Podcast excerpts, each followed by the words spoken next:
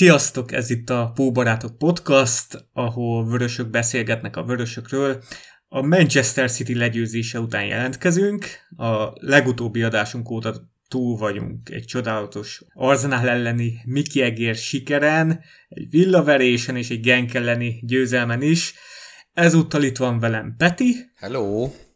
Valamint Geri. Hello. Én pedig Attila vagyok egy darab témánk lesz a mai napon, ez pedig a meccsek meccse, a győzelmek győzelme.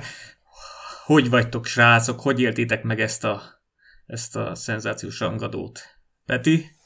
Nem szeretek ilyen nagy szavakat használni, de nagyon sok ö, gondolatom van nyilván, de az egyik talán az, amit, amit én a legfontosabbnak érzek, hogy most volt az a meccs szerintem, ami tényleg ilyen tulajdonképpen a modern kori Liverpool, vagy legalábbis a 2010-es évek Liverpooljának az ilyen forduló pontja volt így az évtized végére, hogy szerintem úgy visszatornáztuk magunkat, úgy tényleg az abszolút legfelső kalapba, ahol ilyen a néhány klub van gyakorlatilag így a világon.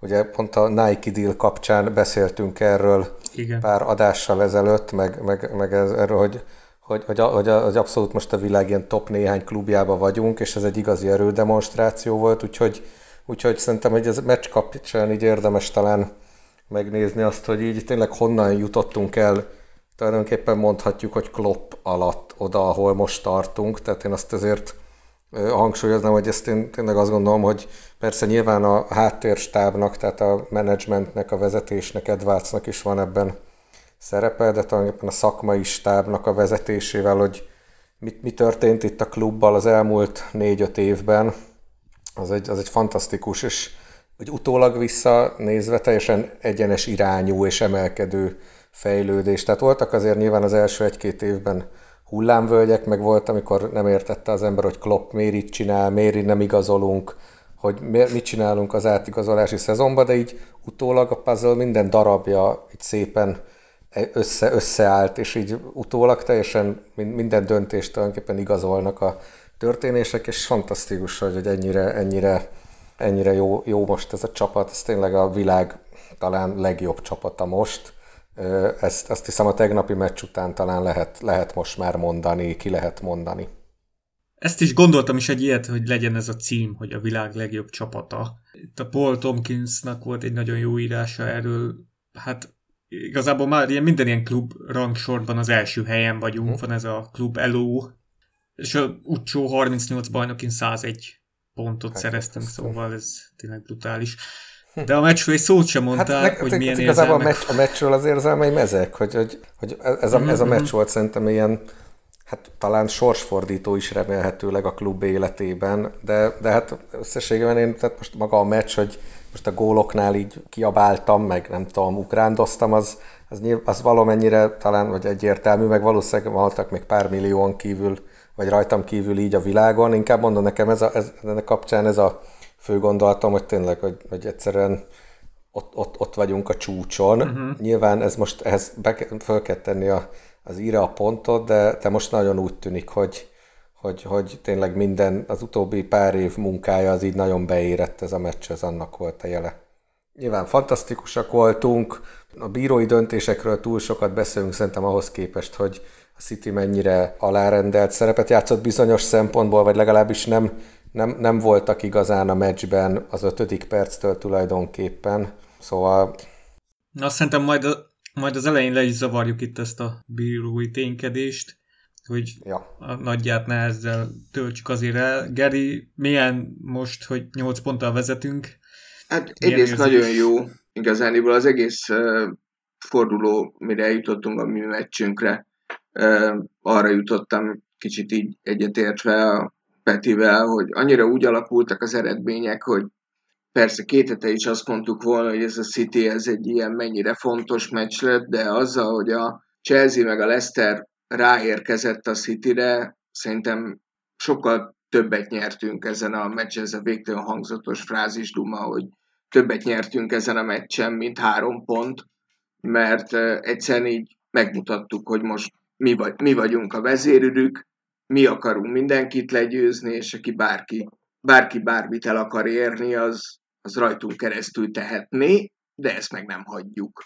Tehát, hogy ilyen, nekem úgy alakult, hogy az elején ilyen teljes káosz volt, nem tudtam nézni a Fabinho gólját, nem is láttam, csak uh, ismétlésben, mert minden, minden összeakadt a rendszerben, de hogyha ez kell hozzá, akkor minden meccsen összeakadhat az elején minden dolog, hogy, hogy nyugodtan vezessünk. Én gyakorlatilag a három egyig egy másodpercig nem izgultam. Ott három egynél egy picit visszaérkeztek a régi érzések, ott valahogy volt egy ilyen rossz érzésem, de elég hamar elmúlt, tehát egy ilyen, egy ilyen körülbelül 3-5 percet izgultam ezen a meccsen, úgy, ahogy van, meg hát előtte egy hetet, de, de hogy nagyon sima volt. Utálom ezt, hogy a, azzal van tele az internet, hogy mit csináltak a bírók, meg, meg mit nem. Ez alapvetően szerintem tükörsima mérkőzés volt. Tehát, hogy simán közöltük a Manchester City-vel, hogy véget ért a Manchester City éra, és úgy tervezzük, hogy Liverpool éra jön. Hát úgy tervezzük, de azért ez még korai. Nagyon, nagyon, tehát hogy az az egészben még ami fura, hogy, hogy azért mindentől függetlenül 8 pont, amit itt mondtál felvezetésként, tehát minden szép és jó, de ez a hátrévő 26 forduló, ez rengeteg. Tehát, hogy Igen. valahogy kellene egy biztonsági autó, ami innentől kezdve nem lehet előzni, és akkor végig, végig lehet menni a szezonon. A kezdőre sok szót vesztegetni szerintem nincs értelme. Hát arról semmit, mindenki tudta, hogy ez lesz a kezdő. Tehát, hogy szerintem nem, nem volt értelme másra fogadni. Teljesen biztos voltam benne. A miénk az teljesen várható volt. A saját kezdőnk esetében, igen, szerintem itt még annyit a, majd a játékvezetőkről mondtad, hogy beszélünk, de esetleg a City-nél még ugye ez is ilyen kifogásszerűség, hogy mennyi sérültjük van, bár végül abból kettő játszott a meccsen, akikre azt mondták, hogy semmi esély, hogy játszanak végül, de, de, de ez is a másik, ami, ami, ilyen, ami most elhangzott sokszor, hogy, ez, hogy, ez, hogy a City nem volt százszázalékos, legalábbis a keretük, nem tudom, nem, nem érzem, hogy ennél a csapatnál ez olyan nagy döntő dolog lenne, pláne, hogy ez tényleg a világ legdrágább csapata ever. Igen, de mondjuk a, tehát a középhátvéd fronton elrontotta szerintem a Guardiola ezt a, az igazolást, meg minden dolgot. Nyilván senki nem számít arra, hogy a legjobb középhátvédje kiesik ennyi időre, de, de gyakorlatilag most már fordulóról fordulóról, hogy ott játszik a Fernandinho, ez azért nyilván hátráltatja őket, de ez legyen az ő problémájuk. Ugye itt a meglepő az volt, hogy az Angelino, Angelino kezdett, és hogy maradt a 4-3-3-as formáció.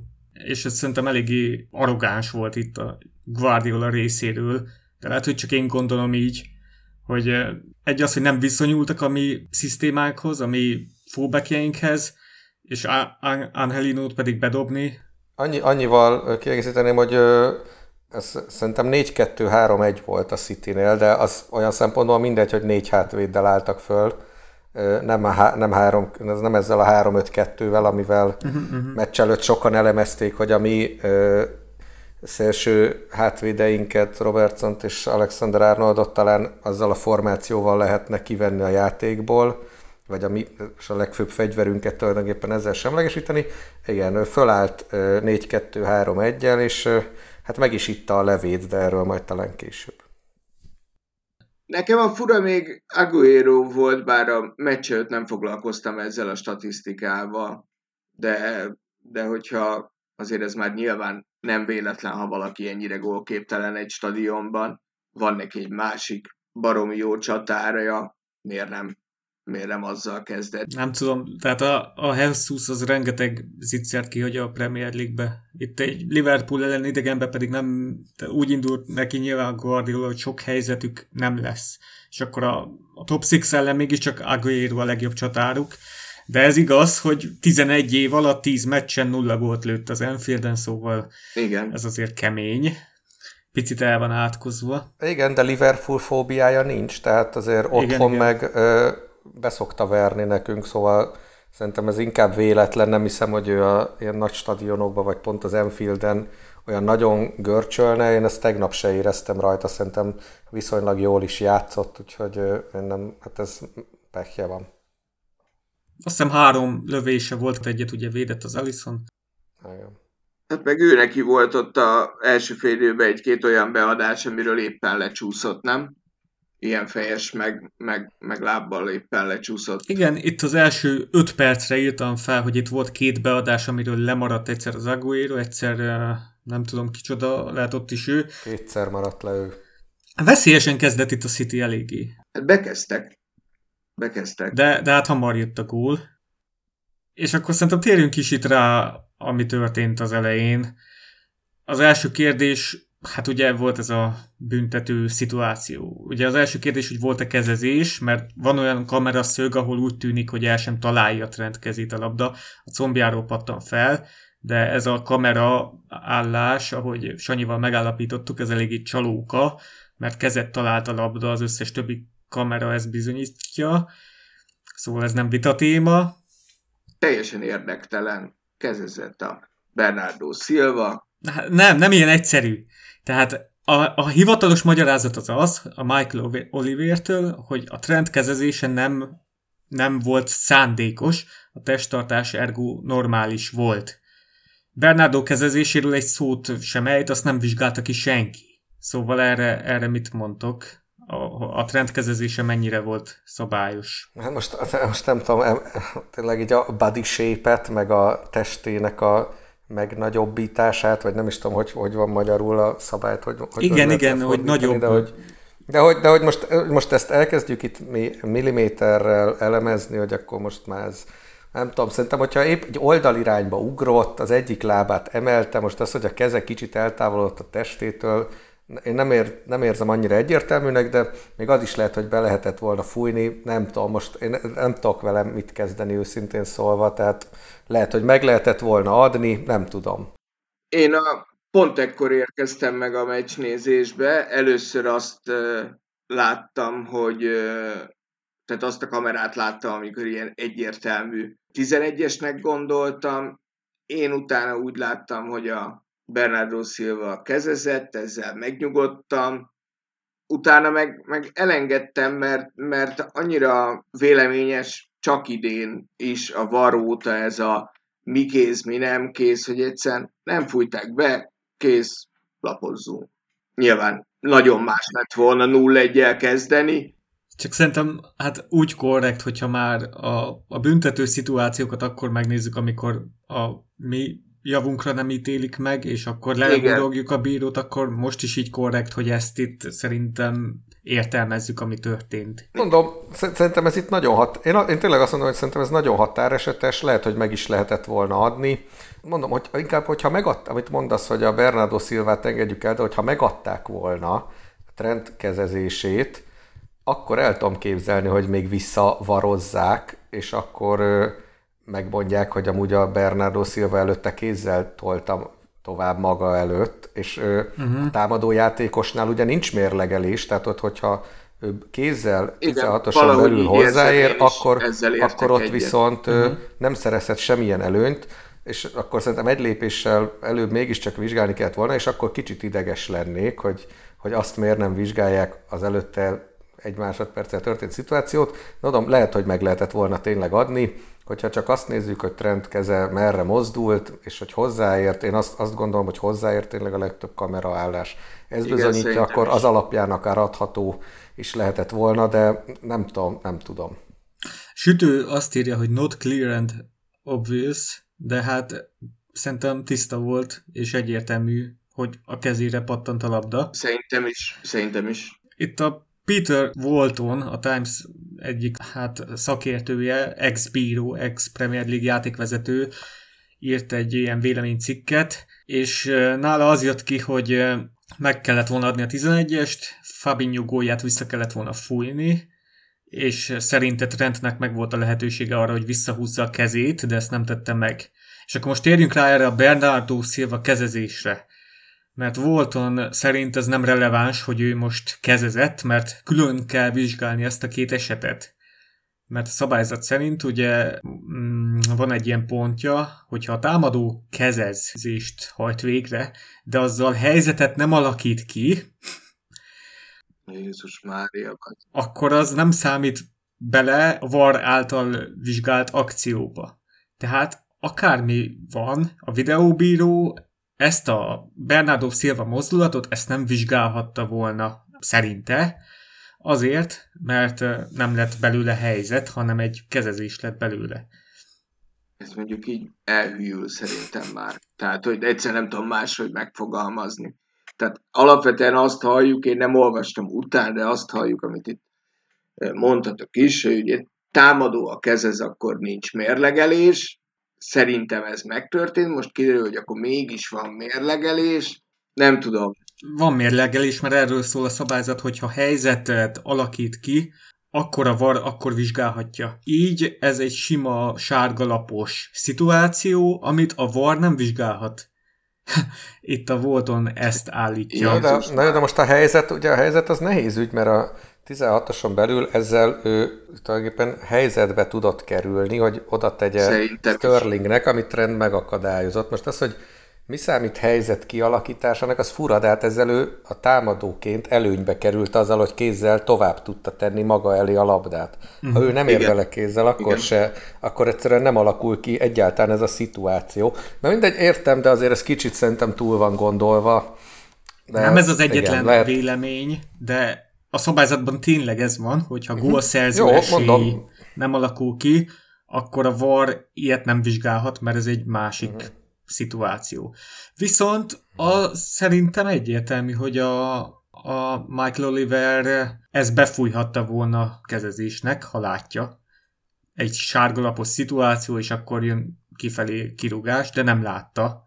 És e, ezért a VAR sem vizsgálhatja ezt. Szóval ez van. Szó, szóval ez van. Nem kaptunk 11-est. Vagy már mi nem ítéltek ellenünk 11-est. Hogyha fordítva van a szitu és Oliver nekünk nem adja meg ezt a tízit, azért elég idegesek lennénk szerintem. Egyértelműen. Én nem lennék ideges, bevallom. Ez, ezt mondom, ez szerintem annyira véleményes, hogy tényleg. Én, én, én amúgy ettől, ettől a mikor nagyon közelről így rácsűrik a, rácsűrik a labdát a kezedre, itt lehet, hogy trend kicsit el, nem a teste mellett volt a keze, kicsit elmozdult, de mondjuk mondom, tehát ez azért egyensúlyozásra is használja, meg kéne nézni előtte, hogy épp hogy mozgott, de, de ez, ezek, ezek annyira, annyira apró dolgok, és közvetlen közelről lőtték rá. Tudom, hogy ez már most elvileg nem számít a, a kezezéstél, a szabálykönyv szerint az, hogy milyen közelről jön a mhm. labda, nem érdekes. Ez azt hiszem nem döntő faktor amennyire a szabálykönyvet ismerem, ezt nemrég módosították egyébként, de, de ezek akkor is annyira, annyira nüansz dolgok, meg, meg, meg olyan nehezen tudod kontrollálni, hogy én, én őszintén megmondom tényleg, hogy nem, nem lovagolnék ennyit akkor se, ha ellenünk befújják, vagy nekünk nem adják meg. Ez egyszerűen benne van. Itt a, az a szomorú, hogy a szabályzat az nem egyértelmű. A szabályzat szerint itt ez a sárgalapos megmozdulás, ezt a VAR nem vizsgálhatja pedig a 16-oson belül történt. Tehát ez eleve itt, itt, itt van egy kis hézag megint csak a szabályzatba, amit ki kéne javítani. Egész jól alakul a podcastunk, a végén összefoglaljuk 5 percben a meccs további részét. Ezt a videóbírónak egyértelműen eh, szerintem eh, meg kéne vizsgálnia, viszont nem teheti. És ami még egyszer a szabályzat szó szerint, hogy azt írja, hogy a gólszerző esély nem alakul ki. És akkor most ebbe a Volton nem veszi bele a 11-est, ami gólszerző esély, de más bíró meg belevenni. Szóval itt sincs egy teljesen egyértelmű álláspont. Tehát mondom, ezen is lehet vitatkozni, hogy beleszámít -e majd a későbbi 11-es gólszerző esélynek. Vagy nem számít. Szuper, meg ugye azon volt még vita, bár azról nem hallottam utána sokat, hogy, hogy lehetette végül így, hogy hogy előnyszabály, tehát hogy nem kellette volna mindenképp megállítani a játékot a bírónak. Mivel azt látta az Oliver, hogy itt nem volt a trendkezezése szabálytalan, így nem volt miért megállítani a játékot. Ja, értem. De értem. itt az Aguero, itt megpesdült benne ez a latinos vér, és a helyet, hogy lepasszolja a labdát. Atya úristen, te ezt ne is mond. Szóval igen, egyébként Aguero-nál itt szerintem, ha, ha valami miatt, akkor a teljesítményem, azt, azt hiszem mondtam is korábban, hogy Szerintem teljesen jól játszott, tehát tényleg ez a Liverpool fóbia, vagy Enfield fóbia nem látszott rajta, de hogy ott mit csinált, tehát tényleg a trend kezéről lepattant, és Aguero elé pattant a labda, az az idióta meg elkezdett mutogatni, anélkül, hogy belerugott volna abba, akár fordulatból szerintem fölvarhatta volna a hosszúba. És tényleg leállt a játékkal, pedig előtte, az kb. nála volt a labda akkor. Szóval érthetetlen. Fölvarhatta volna úgy, hogy a V az A és az R az végig nagybetűvel van írva. Uh. És én azt, hitt, azt hiszem, hogy Sterling is valahol ott állt Igen. közel. Nem, a Sterling, a Sterling kaphatta volna meg a labdát, hogyha a Trent nem, nem nyúl bele, ő kicsit vele arrébb állt egy pár méterrel, ő tök üresen. Mármint az Aguero lepasszolhatta volna. Ja, igen, igen, igen, igen. Tehát, hogy így, ott, ott nem tudom, mi történt vele, az egészen elképesztő. Tehát ez nagyon nem egy ilyen középcsatár ösztön, ott, ott valami nagyon elborult nála szegényként. De e, ez a durva, hogy már annyira akarják a büntetőt, meg már akkor is feldobják magukat néha a csatárok, hogyha, hogyha csak érzik, hogy kontakt van, de be is lőhetnék a gólt, igen, igen. A, a labdát, igen. Csak hát attól félnek, hogy nem lövik be, és akkor elszáll az esély, nem tudom. Az tényleg a világ hülyesége volt. Az, M- az NBC-s közvetítésben ott kommentátorok is, amikor nézték vissza az esetet, és ott lamentáltak, hogy az még az élő közvetítés alatt, hogy, hogy akkor most ez kéz volt-e vagy sem, és akkor a lassításnál látod, hogy Aguero elé pattan a labda trend kezéről, és oda se néz, hanem így elkezd így a kevét csapkodja, meg így a bíró felé mutogat, azok is le voltak döbbenve, hogy ilyen nincs a világon, tehát ott nem tudom, mi mhm. történt, El, elképesztő volt tényleg. És volt még egy szitu, ami amiről nincs is értelme beszélni, ott is reklamáltak keményen, hát az nulla százalék az esély, hogy ott 11-est adjak, adjanak, szerintem ott teljesen a trend teste mellett volt a keze.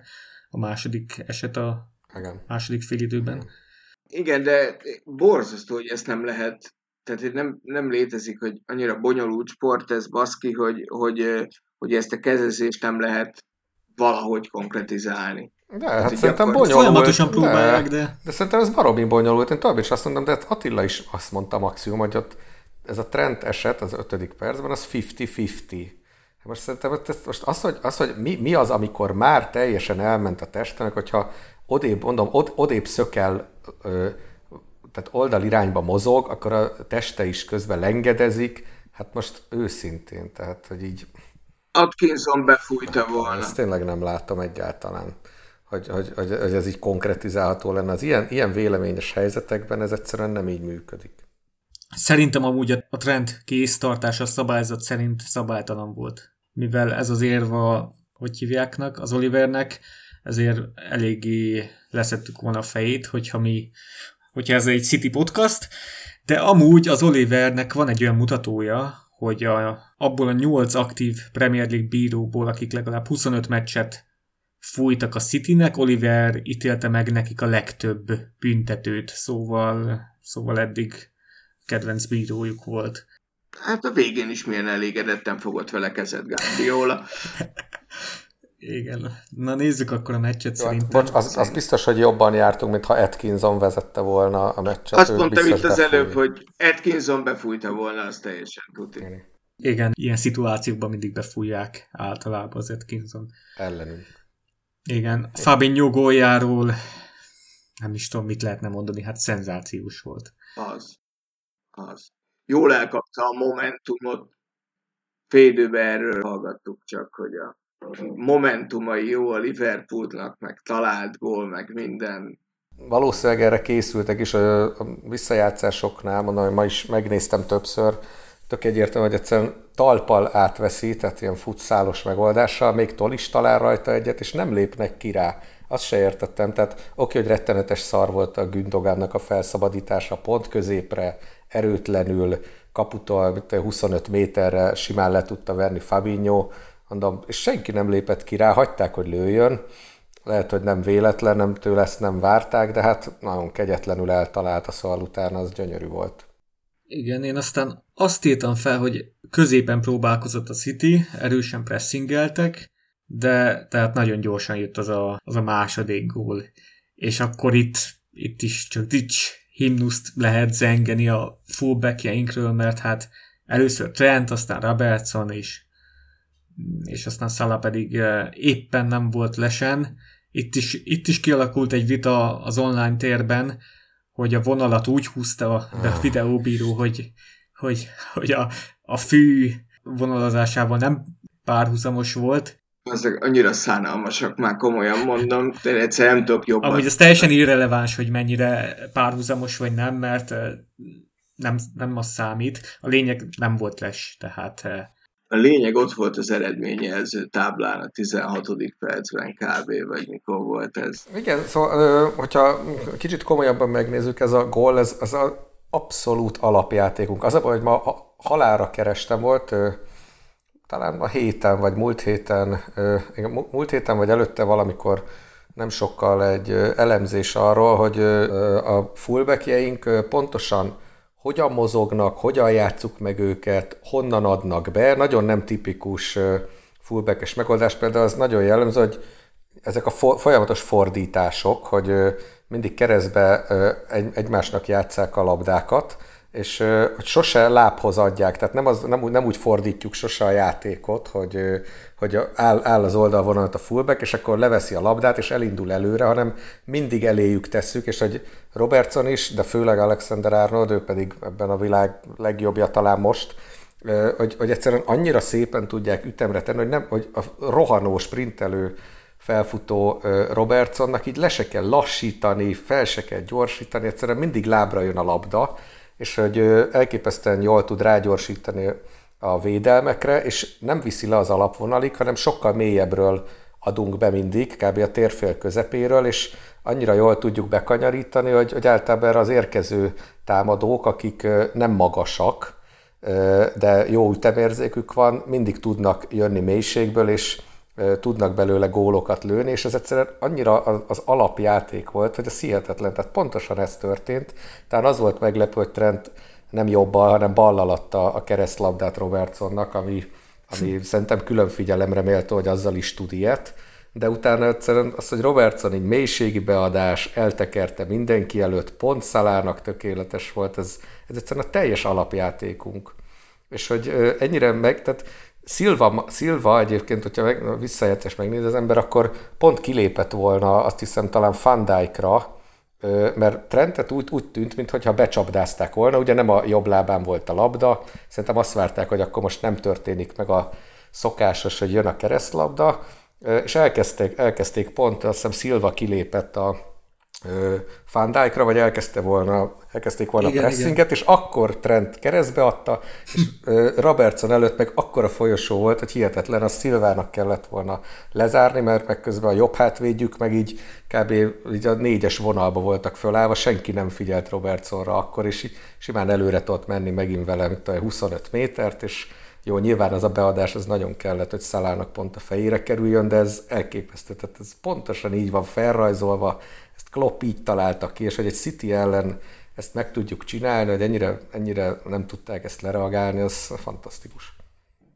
Hát igen, de ezekre a labdákra nem tudsz, ne, most lehet szilvát okolni, de nem, nem lehet számítani szerintem, hogy így. Mondom, nem, tehát ez, hogy trend ballal csinálta ráadásul, tehát hogy mondom, szerintem azt gondolták, hogy akkor most ez így jó lesz, Ebből a szituból nem tudjuk megcsinálni, de ez volt valószínűleg ebbe a legnagyobb húzás ebbe a támadásba, és ja, nem tudsz vele mit csinálni, igen. igen. Tehát nyilván, nyilván ez a lényeg, hogy a pressingnél, hogyha, hogyha jól csinálod, akkor nincsenek ilyen típusú opciók, mint amit most Trent oda tett Robertson elé, de az, hogy mindkét lábbal ilyen távolságról így oda tudott tenni, az ellen a világ legjobb pressingje se segít, tehát akkor így, így igazából sebezhető vagy.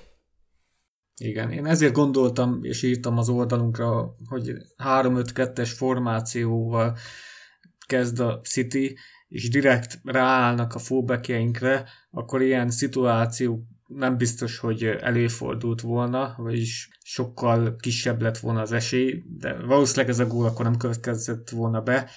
De ahogy néztem a hőtérképeket, a két fullbackünk hőtérképét, a Robóét és a Trentét, azért nem szaladgáltak ők előre. Bár ez biztos az előny tudatában is volt, hogy nagyon korán két gólos előnybe kerültünk, és, és többnyire hátul maradtak. De hát ezt a gólt ez csak, mégiscsak miattuk kapta a City, és, és hát erre fel lehetett volna készülni valahogy, de nem tudom, hogy miért nem kockáztattak, hogy mikor Rodri felépült, akkor szerintem be lehetett volna őt tenni hátra, és akkor Gündogan elég jól szűrt eddig a meccsig, hát, vagy ezen a meccsen annyira nem, mert Rodrival, hát, vagy nyolc sikertelen szerelési kísérletük volt kettejüknek.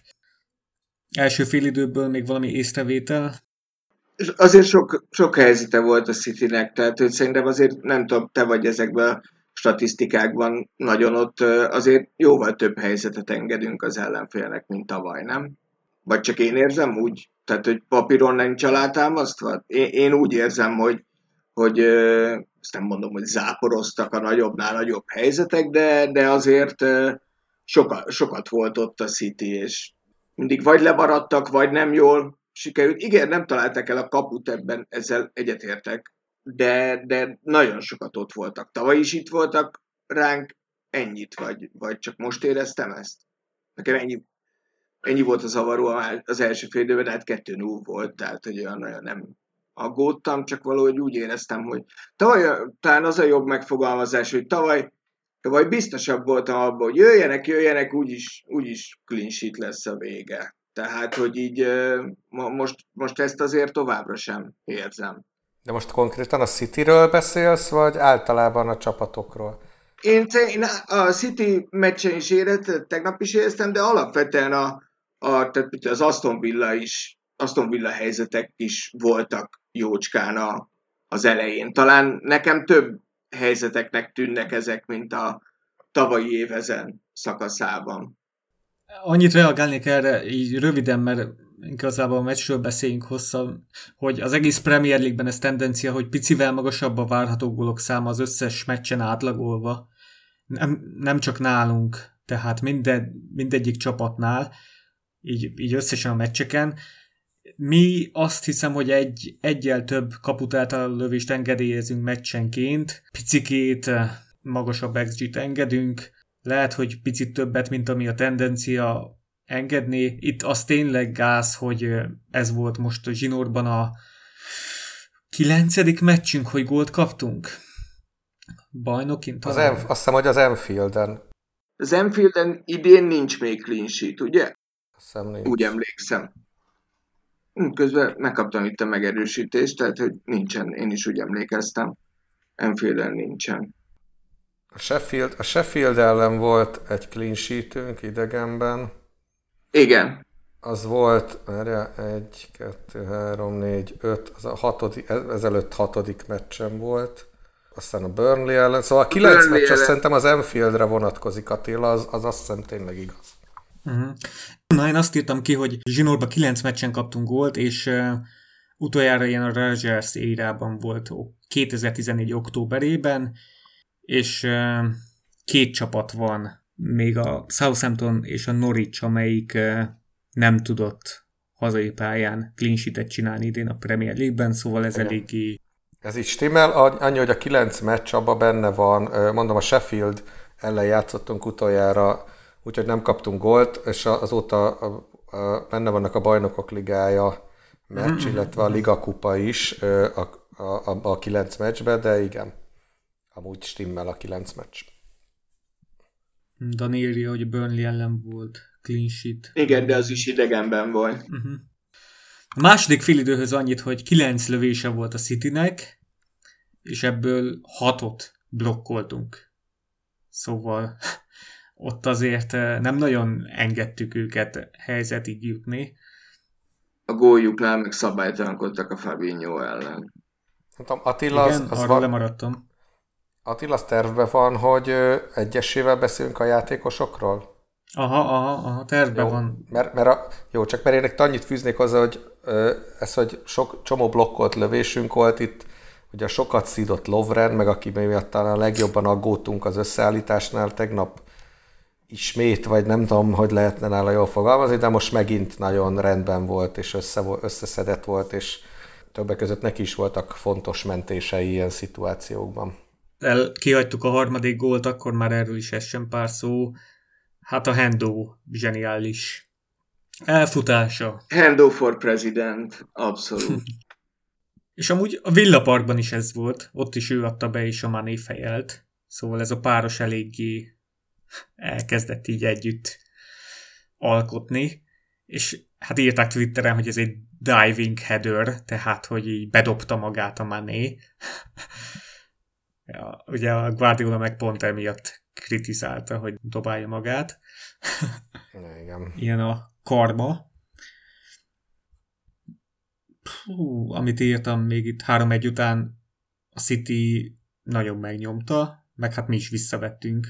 Tehát mikor itt Hendo lejött, utána itt volt egy, hát itt a meccs végén 81%-ban birtokolta a labdát a City. Ja, hát igazából az látszott, hogy amikor talán elkezdtünk cserélni, már folyamatosan a védekezés, védekezésre cseréltünk, nem támadó szellembe, ami szerintem 3-0 lás előny birtokában érthető is. Nyilván kifutottuk magunkat, szóval szerintem ez belefért, ez az egy gólnál én nekem bevallom őszintén, én nem, nem éreztem azt, hogy itt a Citynek van esélye visszajönni a meccsbe, szerencsére így is lett. Ellenük azért kapott gól nélkül kihúzni, lehet, hogy nehezebb lett volna, nem, nem náluk kell feltétlenül a clean sheet hozni. Úgyhogy nyomtak, nyomtak, de ez inkább ilyen meddő, meddő fölény volt. Szerintem nem, nem, nem forgott nagyon veszélybe a 3-0 után egyszer sem az, hogy, hogy itt fordítanának, vagy legalább utolérnének minket. Nem igazándiból szerintem se, bár nekem most az elmúlt pár meccsem volt olyan, ahol zavar talán pont a Tatanem ellen még, hogy, hogy nagyon-nagyon visszaálltunk a vezetés után. Nyilván a kloppot igazolja az eredmény, csak hogy így kicsit kevésbé visszaállni jó érzés lenne talán. A Spurs ellen ott ugye mi futottunk az eredmény után, ha jól emlékszek, az... Tehát ott, ott nagyon ki kellett támadni, és ott az nagyon sok erőt igénybe vett szerintem. Na lehet, hogy ott meg nem tudom. Itt meg már az elejétől kezdve előnybe voltunk, és akkor talán azért eh, csak itt a végén álltunk vissza. Igen, ez egyébként a csapatra mert tavaly is jellemző volt, és idén is ezt hozzuk, bár kicsit idén talán több, több szívinfarktussal, pont itt a kapott gólok miatt, de hogy igazából azért ez a csapat most már megtanulta azt, meg valószínűleg vele párhuzamosan Klopp, vagy inkább Klopp tanulta meg előbb, hogy nem kell minden meccsen szétfutni az ellenfelet, meg mindent kiadni magunkból, szóval a, a game managementben is, is most már nagyon, nagyon, nagyon sokat fejlődtünk, tehát hogy általában tavaly is ez volt, hogy, hogy amikor nagyon kellett nagy csapatok ellen ilyen elképesztő Uber játékkal rukkoltunk elő, a kicsik ellen meg van, hogy szenvedtünk, de azért behúztuk uh-huh. jellemzően őket, szóval uh, itt is szerintem idén is ez lesz, hogy, hogy a kicsik ellen lehet, hogy kicsit visszább veszünk, vagy a vezetés után nem fogjunk még 8 gólt lőni, de azért szépen lehozzuk valahogy.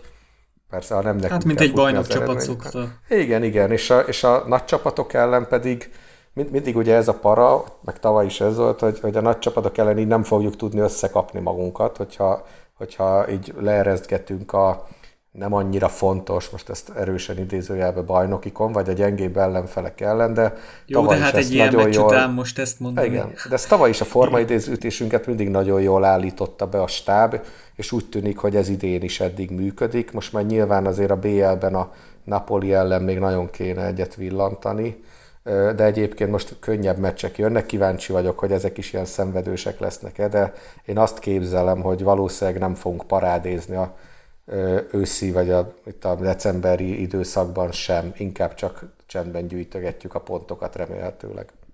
Végén annyit írtam fel, hogy átálltunk ilyen 4-1-4-1-es formációra, mikor Milner bejött, Szala lett a csatár, és uh, itt a City-nél én azt vettem észre, hogy Trentre teljesen így rászálltak, főleg De Bruyne próbálta kimozgatni, így Sterlinggel együtt, és akkor vagy Sterling maradt cselezgetni, vagy az Angelino maradt, és akkor néhányszor próbálkozott beadással. És ahhoz képest, hogy ennek az Angelino-nak ez volt a, talán az ötödik Premier League meccse, tehát ahhoz képest volt három kulcspassza, két, kettő per kettő sikeres csel, jó pár beadása, Szóval összességében nem volt szerintem neki rossz meccse, végén támadgatott főleg. Igen, egyetértek, szerintem is jól játszott. Nem volt, nem volt a City-be se senki olyan nagyon extra gyenge, tehát szerintem talán Walker volt az így meccs közben. nagyon rosszul játszott, nem? A nevét nem emlékszem, hogy hallottam volna. Hát a hibája miatt az elején biztos, meg mondtam, hogy neki is volt azt hiszem négy sikertelen szerelési kis kísérlete, hát ott a Weinaldum is párszor elment mellette, és akkor szerintem lassan lassan térjünk itt rá a játékosok értékelésére. Ezt Peti, te szeretted volna. Igen, én csak javasoltam, hogy szerintem érdemes így is végigmenni, hogyha már úgyis ez a szezon meccs, akkor megnézni, hogy kinek mi a véleménye az egyéni teljesítményekről. Akkor nézzük, kezdjük hátulról. Az Alison szerintem egy, egy védése volt talán, vagy kettő? Bravúria talán egy volt, nem? Bravúria ott az első félidőben volt hát egy Aguero egyszer ott meglőtte a hosszút, akkor igen, meg nagyot védett. Igen. Úgy emlékszem. Igen. Ö, igen. A többi védései azok új gyakorlatok voltak.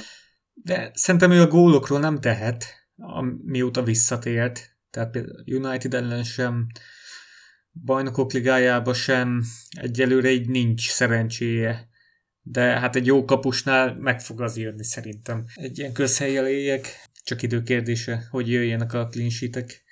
Majd egy egy nullás meccs, amikor csak egyet tudunk rúgni elől, akkor majd nem enged be egyet se. Azért még azt esetleg kiemelném, hogy ugye De Bruyne személyében azért egy elég jó pontrugó specialistájuk van, és ezeket a kapu előtt belőtt labdákat, amik itt távolodnak a kapustól, arra nyilván nem nagyon lehet kijönni értelmesen, szerencsére azok nem jöttek be, de a szögleteknél szerintem tök jó volt, tehát Alisonról nem feltétlenül ez jut legelőször eszedbe, hogy így nagyon magabiztosan jön ki a kapuból, és így lehúzza az ilyen tök veszélyes beadásokat is.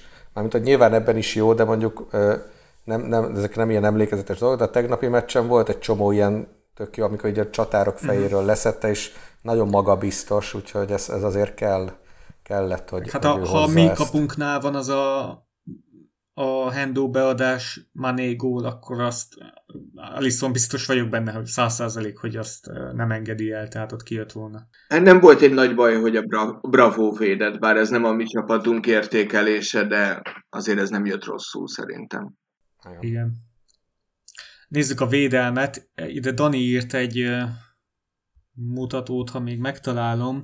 Robertsonnak és Trentnek az előző szezon kezdete óta 30 gólpassza van, és Messinek és David Silvának 29. Köszönjük ezt a fun fact-et. Amikor beírta, se értettem, hogy ez a Messi David Silva együtt 29, ez miben releváns. Tehát, hogy... Ez csak egy érdekesség, gondolom. Akkor kezdjük Trenttel, ha már itt szóba került. Mit mondanátok róla? Trent ez zseniális, tényleg hihetetlen ez, ahogy ebben az idényben játszik, tehát tényleg él, él, élmény nézni ezt a gyereket. Nagyon a testalkata is már olyan brutál erős, a, a test felépítése, amikor ment interjúzni, tehát egy ilyen prototípus a Pali. Én már Gerardhoz, vagy Cristiano Ronaldohoz tudnám hasonlítani, olyan ilyen erős, izmos. Tehát teljesen nem, nem olyan, mint két éve volt. Hát jó, hát két éve még nem volt 18, de vicceltem volt 18 év. Szerintem, szerintem trendnél érdemes azt megnézni, hogy azért még a mai napig is nem, nyilván azért van, van alapja, de az ilyen közhely vele kapcsolatban, hogy nagyon kreatív, támadásban nyilván top, tehát a világ legjobbja, de hogy védekezésben vannak kihagyásai.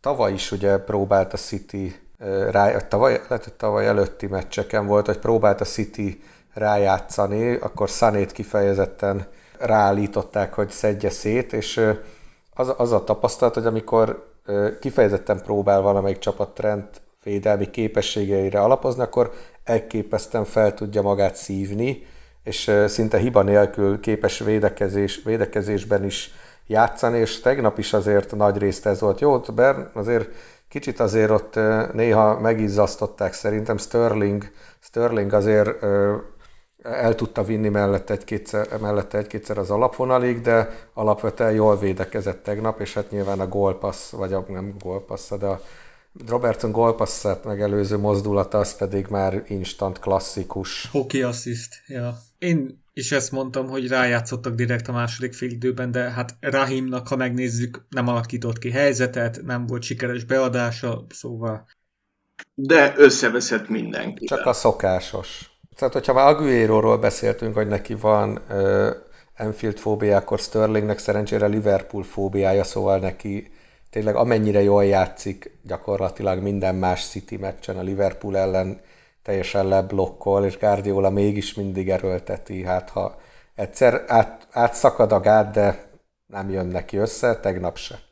Ezért mondtam ezt az Aguero dolgot is, hogy, hogy ez nem tudom, hogy ez a Guardiola részéről arrogancia, vagy, vagy, vagy butaság, vagy, vagy mi, de hogy, hogy ezeknek a dolgoknak azért van, van ilyen pszichológiája, és hihetetlen nem foglalkozik ezzel Guardiola, tehát hogy így, így pláne, hogy ők, hogy ők mind a ketten, tehát hogy van két játékosom, aki persze nagyon jók, meg ott vannak a, a góllövő lista élén, meg minden, mind a kettőnek szara mutatója a Liverpool ellen, és hogy eszébe se jut se a meccs előtt, se a meccs közben változtatni. Tényleg a Sterlingen látszott, hogy tök idegbeteg. Tehát, hogy amúgy is egy kis pukkancs, de, de, hogy, de hogy tökre nem azt játszotta, amit tud, mert azért akármennyire én nem szeretem ezt egy kis csávót, de, de akármennyire is nem szeretem, azért nagyon jó játékos, és tök szarul játszott, és semmit nem reagál ezekre Guardiola, de ez nyilván az ő bajuk legyen, csak, csak, csak szerintem ez fontos, szerintem ezzel sokat segített nekünk. Na. Uh-huh, uh-huh. Már ezt be lehetett volna hozni. Őt mindenképp be kellett volna hozni. Meg hát Sterlingnél biztos, hogy ez a, a közönség hatása néha olyan tiszta ideggel állt meg, mikor helyzetbe is kerülhetett volna, vihette volna tovább a labdát, nem vitte. A, abszolút, teljesen nem volt tiszta, láthatóan nem volt tiszta a feje. Én Trenthez, amit felírtam, hogy hát ezek a tökéletes hollywoodi passzok, de hát azt mindig felírom, tiszta Gerard 2, írja sütő, hogy a középpályán hogyha ott játszana, akkor nem lenne gond, hogy, hogy védekezésben néha kihagy. Ami érdekesség, hogy megint neki volt a legtöbb labdaérintése nálunk. Tehát Zsinórban a hetedik bajnokin, ami már hát nagyon durva. Igaz, hogy a passzpontossága az, az csak 69 százalék, de hát mivel rengeteg rizikós passza van, ez magától értetődő. 89 labdaérintése volt, és az Arsenal, a Chelsea, a Leicester, United, Spurs ellen is neki volt a legtöbb. Hát és a mezőny egyik legjobbja volt. Mint minden meccsen kb. Robertsonról pár gondolatot, srácok. Peti. Igazából őt azért Bernardo Silva eléggé megforgatta, szerintem az elején párszor, ő, ő azért jóval aktívabb volt, meg agilisebb Sterlingnél, de ott se éreztem olyan nagy problémákat, őszintén szólva, és neki is a gólpassz az nyilván olyan volt, amit már mondhatom, hogy megszoktunk tőle, ő ezt, ő ezt nagyon-nagyon jól tudja ezeket a mélységi beadásokat, szokásos, csodálatos teljesítmény. Ámen, ámen, nem, nem szaporítom a szót Robert arra tovább. Csak csak jót lehet tényleg mondani. Szerintem is hát a gólpassz a zseniális volt. És akkor Fandáikot nézzük, akit kicseleztek a statisztika szerint. Melyik volt az? Ezúttal Bernardo Silva cselezte ki, de hát inkább csak így elfutott mellette, és Van Dijk próbált volna belépni, és nem tudott, ez még közvetlen a büntető gyanús szituáció előtt volt. De megint erős meccse volt e- ezt leszámítva Van Dijknak szerintem tehát 9 tisztázás, 5-ből 4 fejpárbaj. Ott volt mellette a bástya, a Lovren, tehát hogy... Na azt hiszem, hogy róla többet szeretnénk beszélni most, mert hát Lovren a City ellen, amikor nyerünk, akkor mindig játszik, így az elmúlt években, amikor nem nyerünk, akkor általában nem játszik, de mindig. Tehát a City ellen nagyon jó. De most egyébként, tehát amióta játszania kell, volt komoly hibája ott, a, mint a Genk elleni gólja. Gengója az a lelkén száradt 4-0-nál, de, de hogy egyébként szerintem tök jól játszik, amióta Matip helyet játszania kell, nem? De hát most szerintem nem, most na, hát nagy hibát, egyéni hibát nem csinál, úgyhogy már lassan majd érik valószínű, mert, ez, mert előbb-utóbb muszáj neki. De igen, jól játszott a City ellen. Az, hogy amikor nyerünk, akkor mindig jó, illetve vice versa, azt nem adom, ugye a múltkor pont beszélgettünk erről, hogy tavaly Aguero róla, róla lőtte föl a rövidbe azt a labdát. Az róla tényleg, az, le. Szóval, igen, ez jogos. Szóval, szóval ez szerintem nem igaz, de, de, de tény, hogy az se biztos, hogy az ő hibája volt, meg a százszor már körbe rágtuk már akkor is, a tavalyi szezonban is podcastba azt a szituációt, de az tény, hogy most amióta Matip kiesett, Lovren lépett előre, ugye mindenki azt várta, hogy Gomez a harmadik számú középhátvédünk, és ő lesz, ő, ő jön tulajdonképpen a, a sorban. Igen. Igen, de tévedtünk, tehát úgy tűnik, hogy Lovren most előrébb van, mint Gomez, valószínűleg meggyőzőbb az edzéseken, és egyelőre helyt is áll, tehát az utóbbi pár meccsen szerintem nincs vele probléma, és a tegnapi napon is tényleg kifejezetten jól játszott, vagy inkább sallagmentesen, labdabiztos volt, igazából neki szerintem régen is a hosszú labdái azok így ültek, most is tök jól, tök jól játszott, amikor Fandijkra rázártak, akkor, akkor általában ő is meg tudta csinálni a hosszú indításokat, viszonylag jó százalékkal, szóval, szóval szerintem nagyon jó volt le a kalappal. Igen, és hát az a fekve még felhúzza a lábát, úgy blokkolt, az, az Igen. emlékezetes Igen. volt. Akkor nézzük a középpályásokat. Ugye mi azért kritizáltuk itt a podcastban ezt a középpályás sort, a kőműveseket az elmúlt hónapokban, hogy hogy nincs kreativitás, tehát Ox, vagy Keita, vagy Shakiri kéne, nincs elég kreativitás a pályán. És, és igazából itt is a formaidőzítés eh, október környékén megjött, mert a legutóbbi hat meccsen ez a középpályás sor, a legutóbbi hat meccsen a középpályásaink kilenc big chance-t vagy gólt készítettek elő, ha jól olvastam, akkor a Fabinho volt a 14. játékosunk, aki gólt rugott idén. Ami azért komoly. Nem, nem emlékszem, hogy hol olvastam, nem tudok most hír, és hogy a, a, a fix kezdőnkből mindenkinek van gólja. Ő volt az utolsó hiányzó láncszem. A legutóbbi hat meccsen kilenc nagy helyzetet és gólt készített elő középpályánk, az azt megelőző 11 meccsen viszont csak egyet akcióból. Tehát ilyen nagy a kontraszt az elmúlt hat meccs és az azt megelőző 11 között. Nagyot fordult a világ az elmúlt hetekben. Egyébként én ezt annak is, annak is betudom, vagy betudható talán, de ezt most nem tudom semmilyen statisztikával, de még uh, hivatkozásokkal se alátámasztani, hogy, hogy ez, hogy, ez, hogy a középhát, vagy a, közé, a szélső hátvédeink a, kreatív embereink, valószínűleg ezt most már mindenki tudja, és uh, talán készülnek is rá, és lehet, hogy több, hely, több hely marad középen, és még a kőművesek is tudnak így kreálni valamit, illetve hát azért ez, ezekben a big chance-ekben, gólokban benne van az is, hogy Ox például nagy formában van, ha épp játszik, ugye, tehát nem feltétlenül csak a kőműves középpályára jellemző ez a statisztika.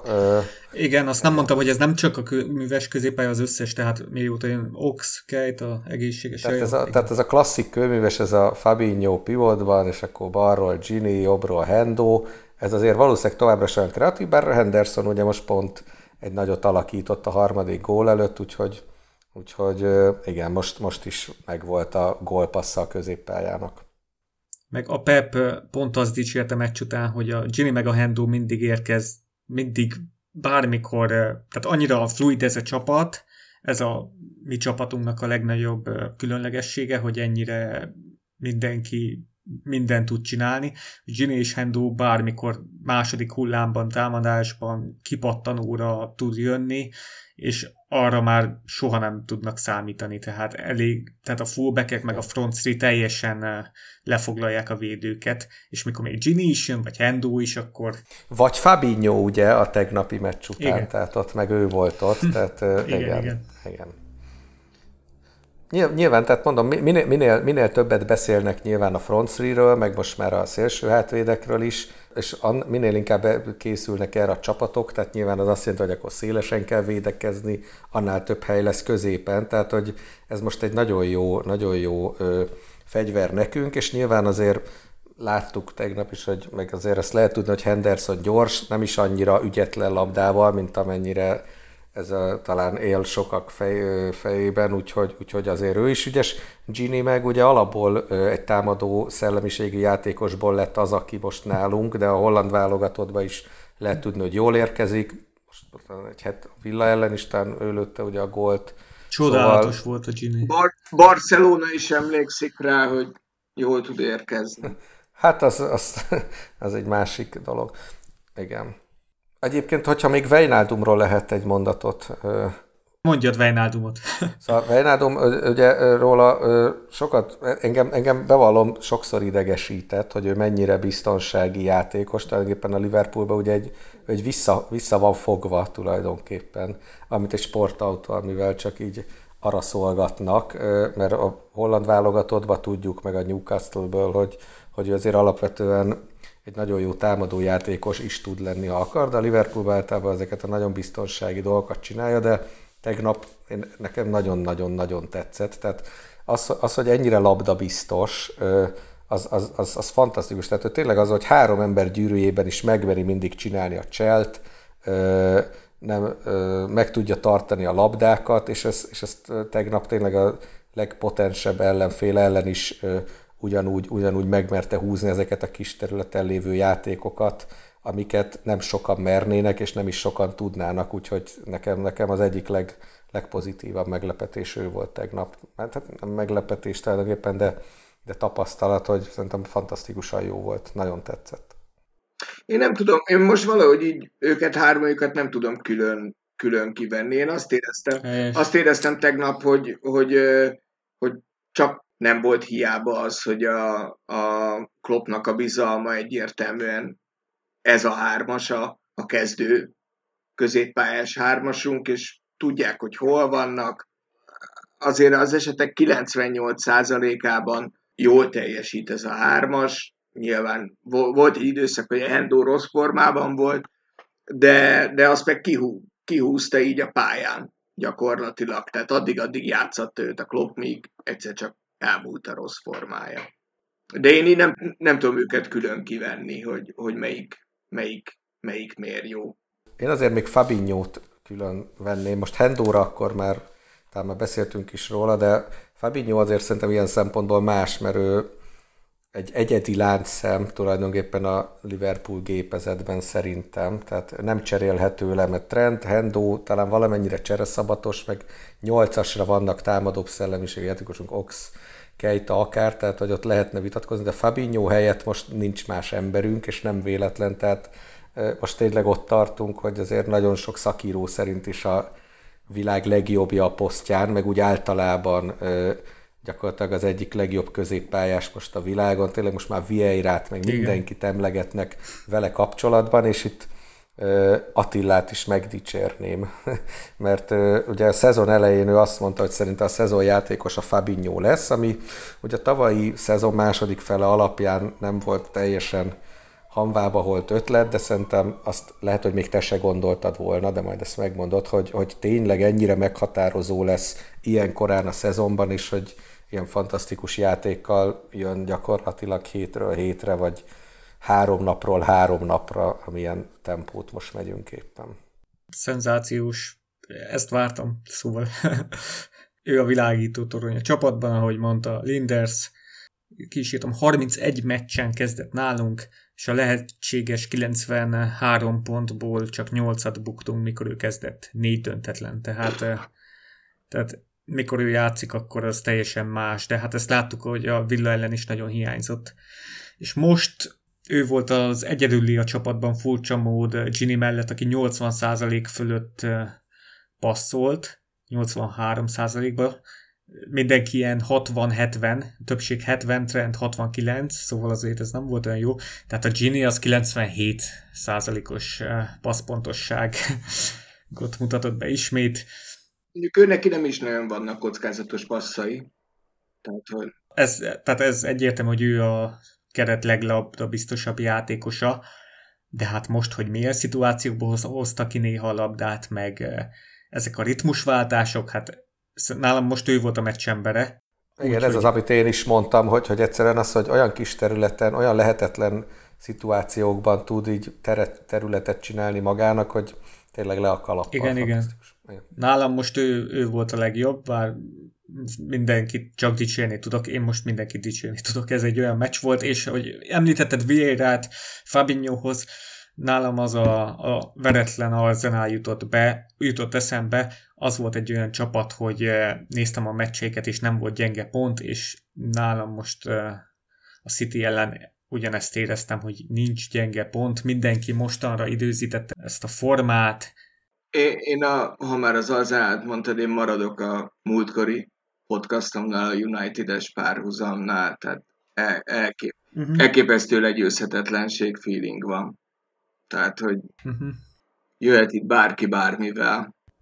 Hendo csodagólpassza is, hát az is élmény számba ment, és miután lejött a City, azután kezdett el nyomni, hát róla is csak le, jókat lehet mondani, tehát ő is itt a magyar szurkolóktól milyen kritikákat kap néha, nem tudom, hogy tegnap mit gondoltak a gólpassza után, de... Én azon most mosolyogtam, nem akar, ezt akár ki is vághatod. Az egyik oldal alatt volt, hogy két embert nem értették, hogy miért kezd a Lovren meg a Henderson, és ilyenkor úgy az embernek válaszolni sincs kedve, tehát hogy, hogy, hogy, hogy, hogy gondoltátok, hogy nem fognak kezdeni. Nem, nem tudom, és tényleg a Hendo volt egy-két meccs, amikor talán megérdemelte a kritikákat, de, de szerintem most teljesen hozza azt, amit, amit kell. Nézzük a Front Street. Salah, kezdjük Szalával, akinek a bokája vérzett is, a Fernandinhoval történő ütközés után, és azt írt az ESPN most aznap, mikor rögzítjük az adást, hogy a, a boka sérülése az, az megint csak, tehát nincs meggyógyulva a bokája, és amiatt most, most aggódunk, nem tudni, hogy kell-e amiatt megint kihagyni a pár meccset. Ő neki most van szereplése Egyiptommal? Én direkt rágugliztam, és lehet, hogy emiatt nem lesz, tehát hogy most úgy néz ki, hogy a bokája miatt lehet, hogy muszáj lesz egy kis pihenőre küldeni, szóval uh-huh. igen, ez a paránk, hogy, hogy, hogy a válogatottban nehogy erőltessék, annak ellenére, hogy már elő, a City meccs előtt se volt százszázalékos, és nem tett jót neki a meccs se. Hát én azt mondom, az elmúlt egy évben azért az egyiptomi válogatott eléggé kooperáló volt, tehát hogyha sérült, akkor biztos, hogy nem fogják túl erőltetni, én most már nem várok így. Pozitív vagyok. Az is valami. De Szala, igen, szerintem nagyon jól játszott ez most nagyon is. jó, Ez most nagyon jó meccse volt végre, igen. Igen. És hát itt mindenki mondja, hogy pocsék formában van, de mégis hát 18 meccsen 15 gólban benne volt. 18 meccsen 15 gólban, azt hiszem a Mané is ugyanennyiben. Két meccset ugye kihagyott sérülés miatt, tehát hárommal több gólban volt benne, mint tavaly, amikor ugyancsak gólkirály lett, és csupán hárommal kevesebb gólban volt benne, tehát gól vagy gólpassz, mint a csoda szezonjába két évvel ezelőtt. Szóval igazából nem is kritizálhatnánk, mert hozza a számokat. Egyrészt a Szalának irgalmatlan magas a mérce. Én nagyon meglepődtem a United meccsen, hogy mennyire hiányzott, és hogy ő, ő jó magához képest szerintem egy kicsit ilyen ezekben a lendületes futásokban, cselekben van hiányérzetem, de, de, de hát egyébként tök jó, tehát hogy sok volt szerez, nincs, nincs semmi baj. Szerintem nagyon örültem ennek a góljának, tehát hogy... Hát, én is. Szerintem, hát most, hogy kicsi baj van, azért azt, a, azt az elmúlt pár meccsen, egyszer még te, Attila, még te, még belőled is Dauptört csináltunk szerintem pár héttel ezelőtt, hogy, hogy valóban a számai jók szalának, de a csoda szezonja mindig az összehasonlítási alap, amikor tényleg minden megmozdulása bejött, és a, és a statjai alapján tényleg most is elit, az nyilván nem kérdés, de azért, de azért most távol van attól, hogy, hogy, hogy, így, hogy így azt mondjuk, hogy így abszolút a csapat legkiemelkedőbb játékosa, és ezt meg is állapítottuk pár podcasttal ezelőtt, amikor ugye ott a, a Liverpool szurkolói csoportnak a, a szavazatait, hogy mely, kit, kit hogy, hogy értékelnek most a uh-huh. Facebook oldalnak a rajongói. Szóval, szóval szerintem Szalának még most van bőven fejlődési lehetőség, ami viccesen hangzik, de, de ez igaz. Szerintem még idén is, de, de ez a gólja ez nagyon szép volt, és most, most én is én úgy láttam, hogy, hogy ő is felszívta magát erre a meccsre, szóval, szóval jobban játszott, mint az elmúlt hetekben, vagy hónapokban bármikor, én azt, én azt láttam, ami jó. És ráadásul, ha még sérült is volt, akkor különösen örvendetes. Hát reméljük, hogy nem súlyos ez a boka probléma. Tehát ez, ez biztató, hogy csak három góllal kevesebben volt idén benne, mint Abszolút. a csoda szezonban. Igen. És ugye a Genk ellen is volt már egy gólpassza, most a Wolfscore-nál ő kapta a legjobb osztályzatot. Mané, Bobby róluk is ejtsünk pár szót. Én amit felírtam a Manéhoz, hogy neki volt a legtöbb sikeres szerelése, négy. Neki volt a legtöbb szerelési kísérlete a pályán 8, Bobinak pedig volt két blokkolása hátul, tehát ők most a közös védekezésben tették bele a legtöbbet, meg hát ugye az a, az a bizonyos gól Manétól. Igen, én nálam Mané pont a meccskép alapján, és ezt egyébként a meccs kommentelőben a Facebookon és látszott, hogy sokan írták, többek között én is, hogy Manénak nem nagyon megy. Gyakorlatilag ilyen, én, én úgy emlékeztem, hogy jó megmozdulása alig volt, főleg támadásban, de a statjai egyáltalán nem ezt mondják, ahogy mondod is, és azért az tény, hogy főleg azért itt védekező szerep hárult rá, tehát hogy a védekezésben, amit mondta is, hogy 4-4-1-1-et, vagy 4-1-4-1-et játszottunk, és ott abszolút a baloldali hát középpályás, klasszikus baloldali középpályás, vagy inkább védekezésben kapott nagy szerepet, és a hőtérképe is nagyon érdekes, tehát, tehát hogy igen, szinte igen. ilyen bal hátvéd, meg jobb hátvéd pozícióban vannak ilyen nagyobb foltjai, hogyha az ember megnézi, és igen, tehát nagyon-nagyon szépen fegyelmezetten játszott, ez mindenképpen jár neki persze a gólja mellett, úgyhogy, úgyhogy most inkább az alázatos oldalát domborította, ami, ami kevésbé volt látványos, viszont valószínűleg legalább annyira hasznos, úgyhogy le a kalappal előtte is. Én ezzel nagy, nagyjából mindenre egyetértek, nekem még annyit jutott eszembe róla, hogy így, mit tudom, egy másfél szezonnal ezelőtt a Mané olyan volt, hogy amikor jött az első helyzete, jött a második helyzete, és akkor na, most már akkor mindjárt be fog találni a Mané, mert meg volt neki a két nagy gól helyzete. Most meg a első gól helyzetéből volt szerez általában. Tehát, hogy sokkal hatékonyabb szerintem, mint másfél éve. Nyilván persze azóta lett gól király, meg mit tudom én, tehát hogy nem, nem találom föl a spanyol viasz, de hogy, de hogy sokkal, főleg az idei idényben érzem azt, hogy, hogy nincsenek ezek az el, elpuskázott sanszok. Tehát, hogyha sansz van, akkor, akkor, akkor ő, ő a legbiztosabb pont most szerintem. Uh-huh. Bobby is szerintem nagyszerűen játszott, de akkor végig is értünk cserékről, nem tudom, így komolyabb szerepet nagyon nem kapott senki. Milner esetleg, de is hozta, amit kellett három angolt cseréltünk be, hogy ne duzzogjanak azok, akik szerint angolok nem játszanak a Liverpoolban. Igen, és itt Gomez a végén a Sterlinggel eléggé összekapott. Kíváncsiak, kíváncsi vagyok, hogy ezt a válogatottba hogy rendezik majd le.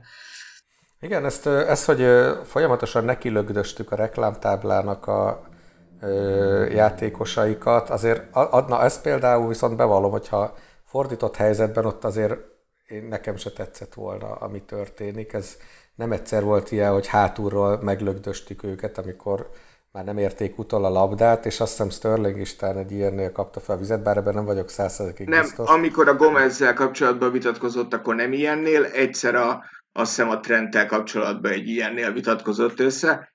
Szerintem a Sterling ellen ez egyértelmű taktika volt.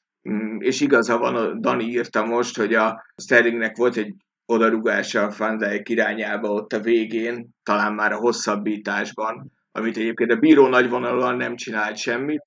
Igen. Igen, fél van, mi legyen. köszönjünk el, vagy itt még Gerivel megbeszéljük itt a esélylatolgatást, vagy esetleg te is?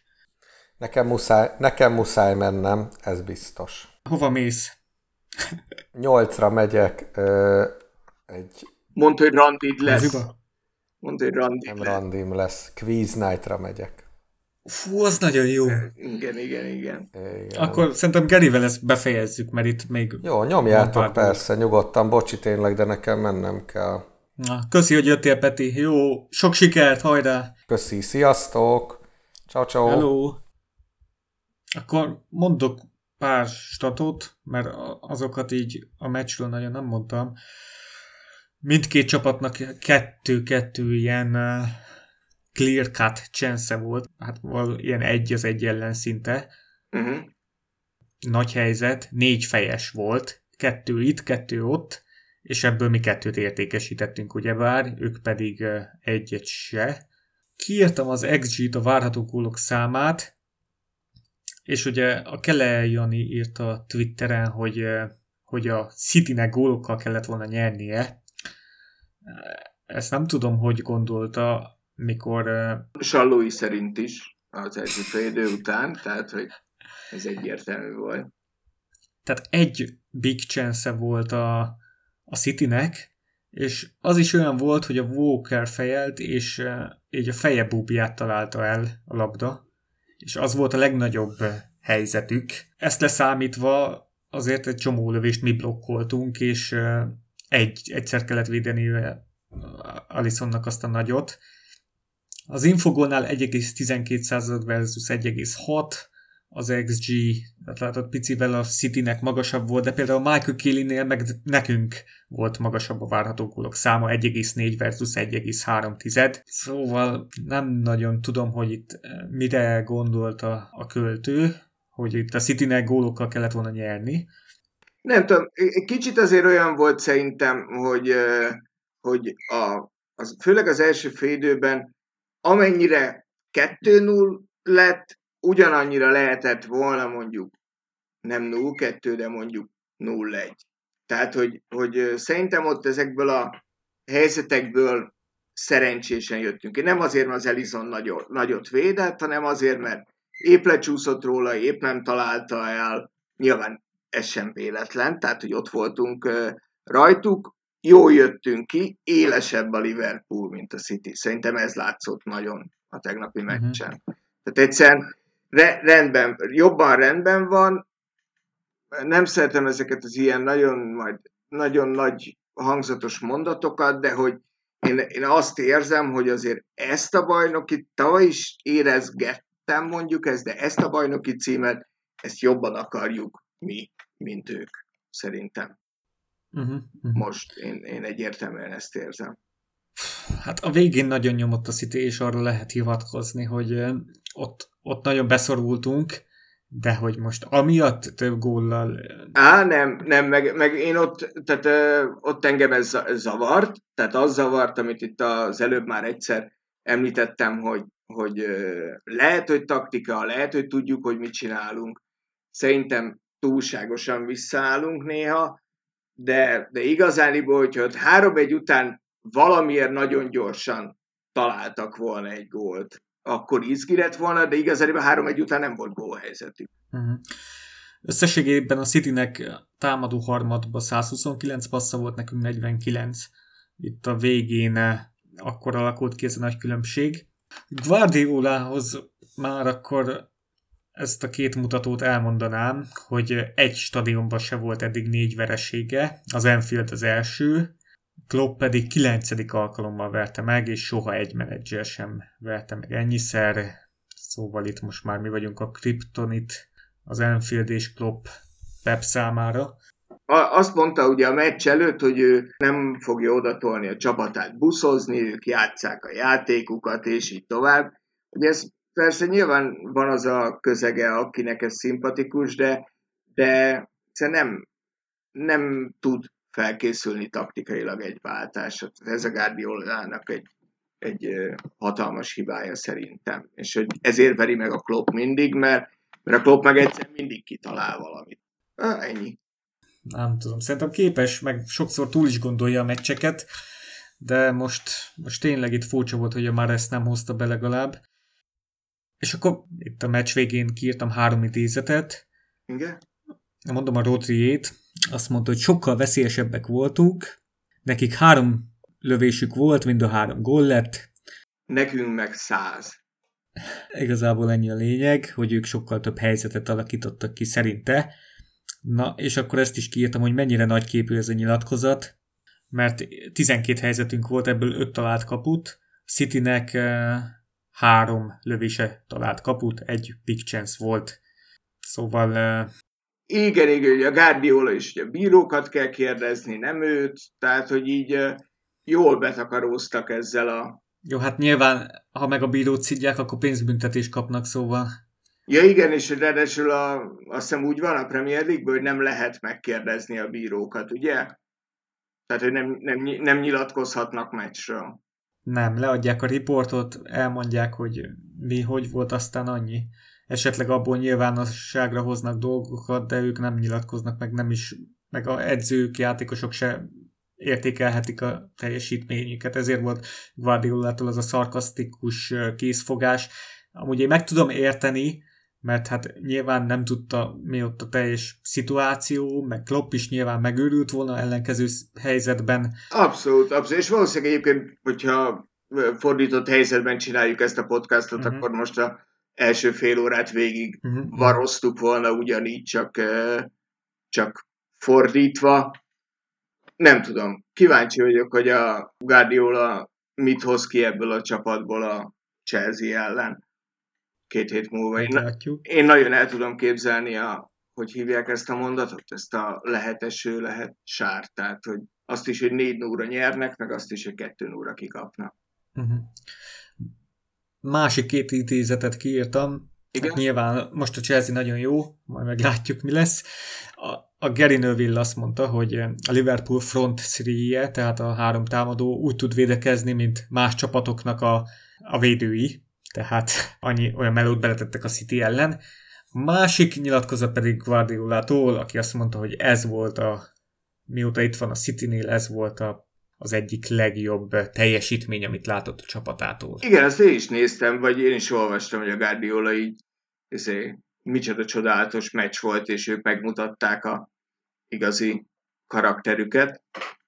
Nekem még idézetben az jutott, hogy Mourinho mondta, hogy bajnokok vagyunk, tehát innentől kezdve nincsenek kérdések. Nem, nem szeretem ezeket a nem, hangzatos én, nyilatkozatokat. Roykin is azt mondta, hogy ő, ő nem szeret nagyot mondani, de eldőlt. eldőlt. Igen, igen, ez így bírom, 26 forduló nem lehet már sok pontot szerezni. 78-at talán, hogyha így most hirtelen fejből jól szorzok, de lehet, hogy keveset mondtam. De igen, tehát, hogy nem tudom, Guardiolát én sem értettem, tehát én is, amikor elolvastam, akkor kétszer elolvastam utána, hogy csak arról beszél, hogy ők mennyire fantasztikusan jól játszottak, ők domináltak, ők csak gratulálni tud a csapatának, részemről oké. Okay. Szerintem fontos lesz, én azért akartam ezt a győzelmet nagyon, azon kívül nagyon akartam, hogy legyőzzük a City-t, mert, mert szerintem új információ, vagy új helyzet lesz a, a Manchester City-nek az, hogy, hogy tavaly csak azt kellett figyelni, hogy mi hibázunk, nem hibázunk. Ha nem hibázunk, akkor jönni kell velünk, ha hibázunk, akkor lehet jönni elé. Uh-huh. Most meg ott van, nyilván a bajnokok jutását semmi nem veszélyezteti, de ott van két csapat, akivel, akivel most igenis harcolnia kell. Lehet, hogy két forduló alatt leszakítja őket, mind a kettővel játszik ugye még ebben az idézőjeles őszi szezonban, de, de ettől függetlenül oda, oda kell figyelnie rájuk, és szerintem ez, ez, ez nagyon sokat uh-huh. hozhat nekünk még. Én, amit megjegyeztem a Cityhez, akkor már latolgassuk itt az esélyeket. Ez a zárás a podcastban, esélylatolgatás, bajnoki címet illetően. Ugye a City több gólt kapott eddig, mint a United, többször kapott ki, mint a Wolverhampton, az biztos, hogy januárban akarnak igazolni, szerintem, még úgy is, hogy Laporte jön vissza, mert az nyilvánvaló, hogy Fernandinho, meg Stones, Otamendi, hát... Nem ez a szint. Szerintem még Laport mellett is ők szürkék. Szerintem ez a közép dolgot elrontotta a Guardiola. Mm-hmm. És, és az az érdekes, hogy nem is, hogy, hogy akartak igazolni amúgy nyáron, csak hát az Otamendi nem kellett senkinek, és akkor ő végül is maradt, hát ő itt volt ebbe a száz pontos csapatba, mm, és uh, ugye ne, nekik most maximum számú a nem, angol, nem angliai nevelésű külföldi játékos. Tehát nekik most januárban, ha akarnak valakit igazolni, akkor el kell adniuk játékosokat. Ezt nem, ezt nem tudtam, ez érdekes. Zota Mendy, a Sunny lehet ilyen, akinek 18 hónapja lesz vissza, és ő le akart lépni, csak hát sérülten nem tudom, hogy mennyire reális valakit eladni. Az Otamendit meg nyáron nem sikerült eladni, szóval kérdéses, hogy januárban sikerül-e egy ilyen ősz után. Én, én hogyha esélyt latolgatunk, én azt tartom fontosnak, hogy én kicseréltem a saját gondolatvilágomba a Big Six-et Big Seven-re, én belevettem a Lesztert. Mi vagyunk az egyetlenek a hét csapatból, akik letudtuk mind a hat meccset, ugye egyszer Igen. vesztettünk pontot, a City pedig kettő meccset tudott le, öt pontot bukott rajta, ugye nem és mi, és ő neki itt ebben a Boxing, boxing Day-ig bezáró időszakban négy úgymond rangadója jön. Tehát United, Chelsea, Leicester és uh, Arsenal, Arsenal. mondjuk hát, ezt az utolsót ezt annyira ne tekintsük rangadónak, és azt hiszem ráadásul szerencsésen jön ki nekik, a Leicester meg a Chelsea az biztos, hogy otthon, a United az talán idegenben, az Arzenát ezt nem jeleztem meg. Szerintem nagyon sok múlik azon, hogyha ezen a négy rangadón csinál egy négyből négyet a, a Guardiola csapat, akkor azért visszakerül egyértelműen a, a második helyre a tabellán. Ha nem csinál négyből négyet, akkor könnyen beleragadhatnak abba, és én ebben reménykedek, hogy, hogy, hogy küzdhetnek ott a másodiktól a negyedik helyig. Én, én, én ezt érzem. Aztán persze ez feltétel az is, hogy a mi úgymond könnyebb sorsolásunk az, az azt hozza, hogy, hogy mi azokat a meccseket tényleg behúzzuk, amik most ránk várnak. Nekünk gyakorlatilag azt hiszem a Boxing Day Leicester meccsig nincs, nincs rangadónk, ha jól láttam a sorsolást. Egyetértünk, tehát a 12 ilyen nagyobb rangadóból mi hatot letudtunk, ők kettőt. Ez, ez, ez nyilván egy nagy, nagy előny. És uh, most a Skybetnél a Sanyi írta be, azt hiszem a szorzót 1,4 szorzó van a mi sikerünkre, 3,25 százados szorzó van a City sikerére, 34 szeres, 34 szeres szorzó van a Leicesterre és a Chelsea-re jelenleg. És uh, ugye a legutóbbi két kiírásban a City 32 meccset nyert. Tehát ahhoz, hogy ez ismét meglegyen, a következő 26 bajnokiból 24-et be kéne húzni. Ez már nem túl reális. Nem, semmiképp.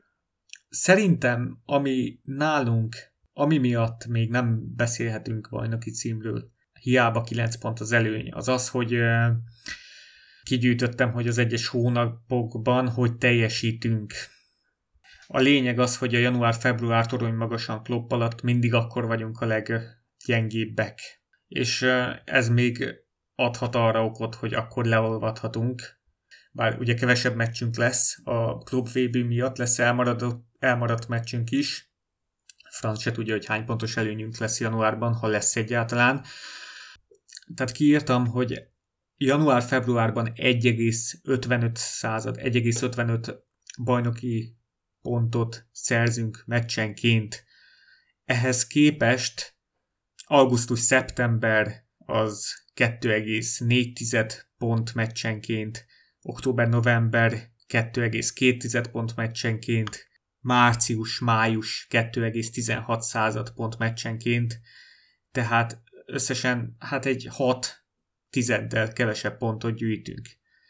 Tehát tavaly is a január-februári időszakban a meccsek 40%-át nyertük meg csupán. Hát meg szerintem egyértelműen, tehát hogy akár tehát értem ezt a meccsről meccsre megyünk, nem számolunk, tehát, hogy itt, itt mindenki bajnoki címre gondol, és, és ahogy haladunk előre, ez ennek, ennek biztos lesz súlya. Tök mindegy, mekkora az előny. Tehát, hogy az a 30 év, az, az itt van ezeknek a srácoknak a lábában. Szerintem itt a lélektan helyett sokkal inkább a, az erőnlét. Hogy a stáb úgy készíti fel a csapatot, hogy, hogy decemberig az alapozással együtt decemberig ez a csapat bomba formában van, és akkor januárban eh, jön a leépülés, ezért szoktunk menni Marbellára, meg mm. mindenhova edzőtáborozni, dobajozni. Augusztusban a meccsénk 72%-át nyerjük, tehát a Klopp alatt. Ezt nem is mondtam az előbb, tehát Klopp alatt mióta igen, itt van. Igen. Azóta. Ez nekem logikus volt, hogy azóta mondod. Ha kiveszem ezt a két szuperkupa meccset, 81%, szeptemberben a meccsek 62%-a, októberben a meccsek 57,7%-a, itt az összes meccset igen, nézzük, nem csak igen, a bajnokikat, igen. novemberben a 69,5%-át nyerjük a meccseknek, januárban ez a szám 34%, februárban 42%. Ugye most lesz téli szünet is. Még ezt nyilván ők is tudják. És minden évben alul teljesítünk. Tehát tavaly is alul teljesítettünk. Akkor jött a West Ham elleni döntetlen, United elleni döntetlen, Everton elleni döntetlen, Leicester elleni döntetlen, de, de nyilván elolvad, tehát nyilván ők is tudják ezt a statisztikát, nem? Hát tudják, csak mondom, hogy ezzel nekünk is számolni kell, mert valószínű, hogy, hogy, hogy valamilyen visszaesés lesz. Tehát 16, Biztos. 17, 18, 19. Tavaly volt a leg, legkisebb a visszaesés, de... Egy pont hiány így is sok lett. Igen, tavaly is pont ezen az időszakon ment el. Válogatott meccsek következnek, Ugye elég sok játékosunkat behívták, reméljük, hogy sérülés nélkül most megússzuk. Ugye a Harry Wilson a magyar válogatott ellen bizonyíthat, bár reméljük, hogy nem most fog kinyílni a gólcsap. Reméljük, nem? Hajrá Magyarország! Így, így, így. Akkor szerintem jöhet is ez elköszönés, ugye? Igen, szerintem is. Köszönjük, hogy meghallgattatok minket. Adásainkról a facebook.com per Póbaratok oldalon értesülhettek, Soundcloudon, Spotify-on, iTunes-on a Póbarátok csatornát keressétek. Fent vagyunk rengeteg platformon, ahol kényelmesebb, ahonnan egyszerűen letölthető a fájl, azt válasszátok. Amennyiben keresnétek minket a lentebb belinket Liverpool FC szurkolói csoportban mindannyiunkat megtaláljátok. Ott van egy pár kérdésből álló mini quiz, amit ki kell tölteni ahhoz, hogy bebocsátást nyerjetek. Szálljatok rá egy fél percet, mert amúgy nem veszünk be titeket. Köszi a beszélgetés, Geri. Ne, szívesen, legközelebb is. Jó volt megint. Nem tudom, hogy a válogatott szünetben most itt hogy jelentkezünk. Nem tudom, Dani, neked van-e kedved akadémiáról, vagy kölcsönben szereplő játékosokról értekezni? Megvárom, mit ír Skype-on. Van neki. Van akkor lehet, hogy egy hét múlva nagyjából találkozunk. Jó pihenést, azt írta, hogy van, élvezzük a 8 pont előnyt. Szia Geri! Szia, Szia Attila, köszönöm Sziasztok szépen. hallgatók! Hello! Ciao, ciao!